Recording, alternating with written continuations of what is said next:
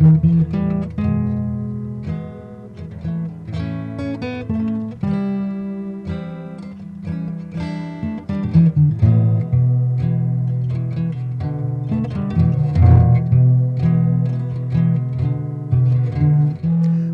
بكل مشاهدي ومتابعي القناة.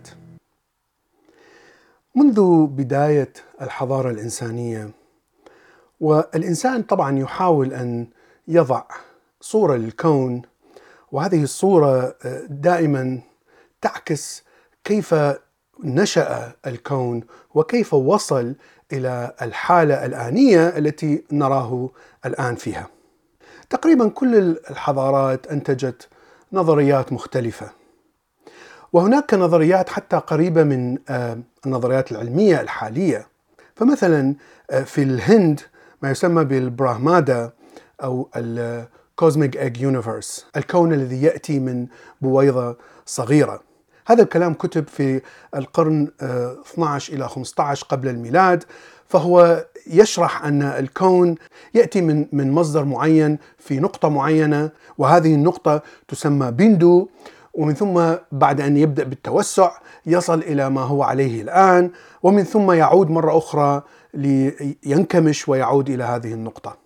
وهذا ما تسميه بدورات الكون لأنها دائما تكون بين الامتداد وبين الانكماش. هناك فكرة أخرى أتى بها الفيلسوف الأغريقي أناكساغورس في حوالي القرن الخامس قبل الميلاد وهو يقول أن الكون بدأ من محتوى صغير من كل مكوناته الأساسية ومن ثم هناك قوة معينة هو ما يسميها بالعقل أو الإدراك أو المايند هذه القوة هي التي حركت هذه المواد الأساسية مما بدأ بصنع الكون أو الكون الحالي الذي نراه.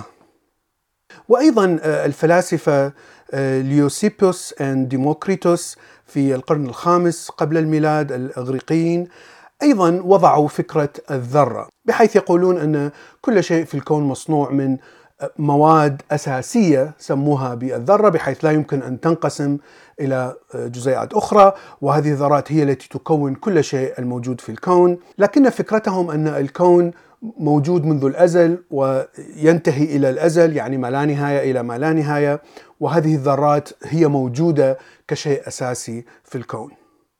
وهذه الفكرة قريبة من فكرة أرسطو لنشوء الكون، أيضا يقول أن كل شيء في في الكون هو ثابت، المكان ثابت، الزمان ثابت، لا يتغيرون وفعليا الكون يمتد أيضا إلى ما لا نهاية في الماضي وفي المستقبل.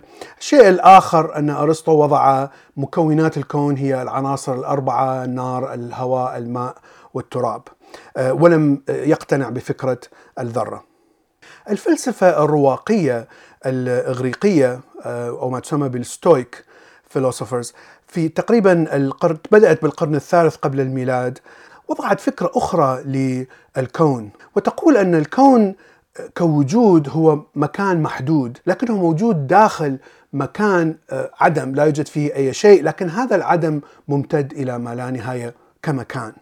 أيضا يقولون أن الكون هو دائما في حالة ديناميكية متفاعلة عناصر الكون تتفاعل مع بعضها بشكل مستمر ودائم وكأن الكون هو عبارة عن جسم حي كبير وأعضاء هذا الجسم دائما تؤثر على بعضها البعض. وأيضا فسروا الكون بطريقة يبدأ من عنصر معين وينتهي إلى عنصر معين ثم تستمر الحلقة مثل الفكرة الهندية القديمة. الشيء المثير أن في القرن الثالث قبل الميلاد أيضا العالم الإغريقي أرستاركوس وضع فكرة أن الشمس هي مركز الكون وأن الكواكب بما فيها الأرض تدور حوله، وحاول حتى أن يضع الصورة الرياضية التي تمثل هذا الكون، طبعا الإغريق في ذلك الوقت الرياضيات كانت تمثل جيومتري، تمثل أشكال، بمعنى كانوا يحلون المشاكل الرياضية بطريقة رسم الدوائر والمثلثات والمربعات. لكن فكرته لم تلقي النجاح والسبب أن فكرة أرسطو وبعدها بطليموس وهذا عالم إغريقي مصري مشهور جدا في القرن الثاني بعد الميلاد أخذ فكرة أرسطو التي تقول أن الأرض هي مركز الكون وكل شيء يدور حولها وفسرها برياضيات معقدة للغاية حتى تستطيع أن تشرح الكواكب التي تسير بشكل غريب حول الأرض لكنه وضعها بدقة كبيرة جدا مما جعل كل علماء آه، الذين تبعوا آه، دراسات الإغريق أن يفضلوا هذه النظرية. طبعا استمرت هذه النظرية آه، إلى فترة القرون الوسطى وحتى إلى أن جاء كوبرنيكوس ووضع الموديل الصحيح وهو الشمس هي مركز الكون والكواكب تدور حولها. من هنا بدأت الدقة الشديدة في تتبع حركات هذه الكواكب بدلا من صورة أن الأرض هي مركز الكون.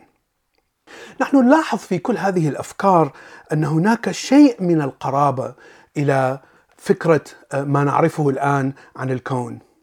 طبعا كل هذه الأفكار القديمة لم تأتي بشكل تجارب، إنما فقط بشكل تفكير منطقي لهؤلاء الناس ومحاولة تفسير ما نراه بأفكار منطقية. طبعا نحن نعرف أن هذه ليست طريقة علمية ولا يمكن أن تنتج تفسير آه، قريب من ما هو موجود في الحقيقة. لأنك فعليا فقط تفترض بأفكار تناسب ما تراه ولا تستعمل التجربة حتى تثبت أن هذه الأفكار صحيحة أو لا. لكن أغلب هذه الأفكار تحاول أن تصور الكون وكأنه شيء ثابت لا يتغير. الذي يتغير هو فقط تفاعل الأجسام داخل هذا الكون، لكن الأجسام نفسها لا تتغير. بمعنى أن التغير يحصل عند الإنسان، يحصل بشكل بطيء طبعا، وتفاعل الإنسان مع الكائنات الأخرى أو مع المواد الأخرى هو الذي يصنع تغير بسيط يكون في كون ثابت وتحت قوانين ثابتة. وأعتقد أن سبب آه، تفكير الإنسان بأن الكون أو الحالة الكونية الآن ثابتة ولا تتغير هو تطور الإدراك والوعي والتفكير داخل الدماغ بملايين السنين حتى نضع صورة للكون. الصورة التي نضعها للكون في أدمغتنا تحاول دائما تكون صورة أقرب إلى الواقع طبعا حتى نستطيع أن نقرر ماذا نفعل فيما إذا جابهتنا أي مشاكل آه، في الطبيعة. إذا كانت صورتك صحيحة عن الكون فإنك تستطيع أن تتنبأ بما ستحدث في الطبيعة وستستطيع أن تتخذ قرارات صحيحة حتى تستطيع أن تنجو. ولهذا هذه الصورة يجب أن تكون يعني أقرب إلى الصحة ما يمكن. الآن حتى تستطيع أن تكون صورة صحيحة يجب أن يكون الكون ثابت، شيء طبيعي. إذا كان الكون يتغير فإن الصورة التي تضعها داخل آه، دماغك يجب أن تتغير أيضا يعني حسب المتغيرات الشيء الواضح أن البشر يعيشون يعني حياة قصيرة جدا جدا. يعني حتى الحضارة البشرية يعني ما دامت آه، عشرين ألف سنة فقط هي لا شيء بالنسبة لعمر مثلا الأرض الذي هي آه، أربع بلايين ونصف لا شيء بعمر الحياة نفسها أو نشوء البكتيريا الذي هي 300 آه، آه، أو 400 مليون ونصف سنة. لا شيء بالنسبة إلى نشوء حتى اللبائن العائلة التي أتينا منها وهي تقريبا 200 مليون سنة تقريبا. فإذا وقت عمر البشر ضئيل جدا جدا. وطبعا نتيجة لهذا فإن البشر لا يرى هذا التغيير آه، يحدث أمام عينيه، التغيير الذي سندركه بالتجارب العلمية آه، بعد الثورة الصناعية والعلمية في أوروبا في منتصف آه، القرون الوسطى. نحن الآن نعرف أن الكون في تغير مستمر، ليس فقط الأرض في تغير مستمر، لكن هناك كثير من المتغيرات التي تؤثر على الكون نفسه. نحن نعرف أن الكون نشأ من انفجار عظيم. طبعا هو ليس انفجار بمعنى آه، انفجار لكنها نقطة معينة آه، بدأت بالتمدد.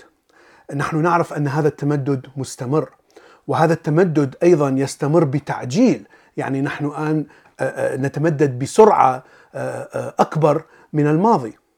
هذا التمدد سيؤثر على الكون بشكل جذري بمعنى في في المستقبل البعيد جدا سوف تبتعد المجرات عن بعضها البعض، ستبتعد النجوم عن بعضها البعض، وحتى ستبتعد الكواكب عن بعضها البعض إلى أن يعني تبتعد الذرات حتى عن عن بعضها البعض.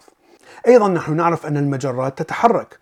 آه، ولأن المجرات تتحرك فإن آه، ممكن أن تصطدم المجرات بين بعضها البعض.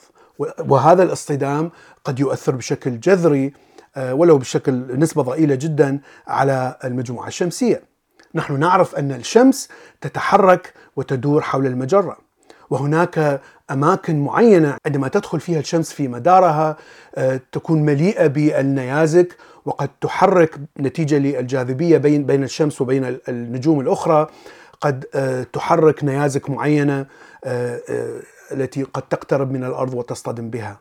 نحن نعرف أيضا أن الأرض محور الأرض أيضا يتحرك وهذا المحور عندما يتغير فطبعا الشتاء والربيع والصيف كلها تبدأ بالتغير لأنه طبعا المنطقة التي متعرضة للشمس أيضا تتغير.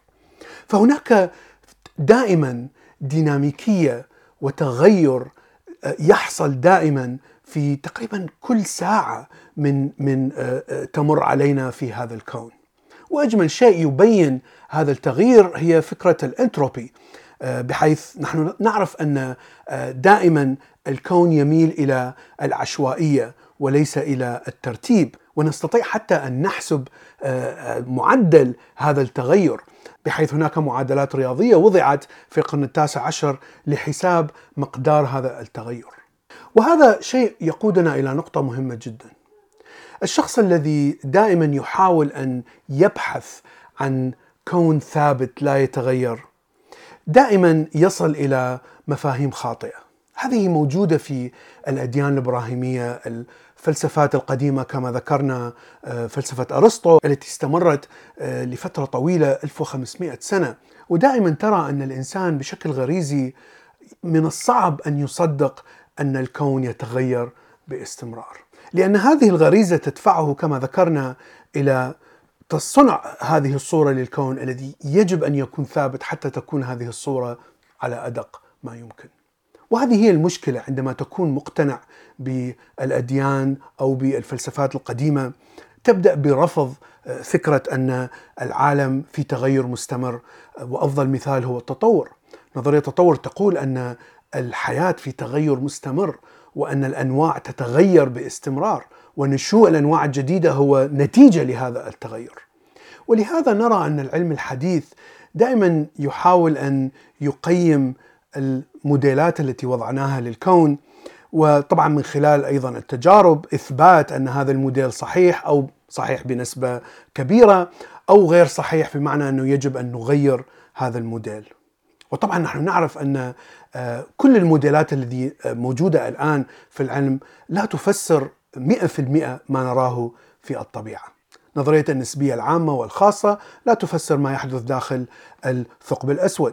نظرية الكم لا تفسر كيف تنشأ الجاذبية.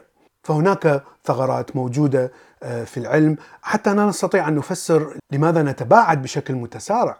نحن نسميها الطاقة المظلمة أو أو الدارك انرجي لكن لا نعرف ما هي هذه الطاقة وكيف تتكون وكيف تعمل. أعتقد أن مبدأ أن التغير هو الأساس سواء كان في حجم الكون كله أو حتى في حجم حياتنا القصيرة. يعني هذه فكرة آه، صعبة لكن تعطيك إدراك أفضل وأعلى من الإدراك السابق. لأنك تستطيع دائما أن تفسر بشكل أدق كيف وصل الكون إلى الصورة التي نراها الآن. وهذا هو الشيء طبعا المهم في المعرفة. أنك تحاول دائما أن تصل إلى أكبر قدر ممكن من المعرفة التي تماثل الواقع الخارجي. هذا ما أردت أن أقوله اليوم، شكرا لكم وإلى اللقاء في حلقة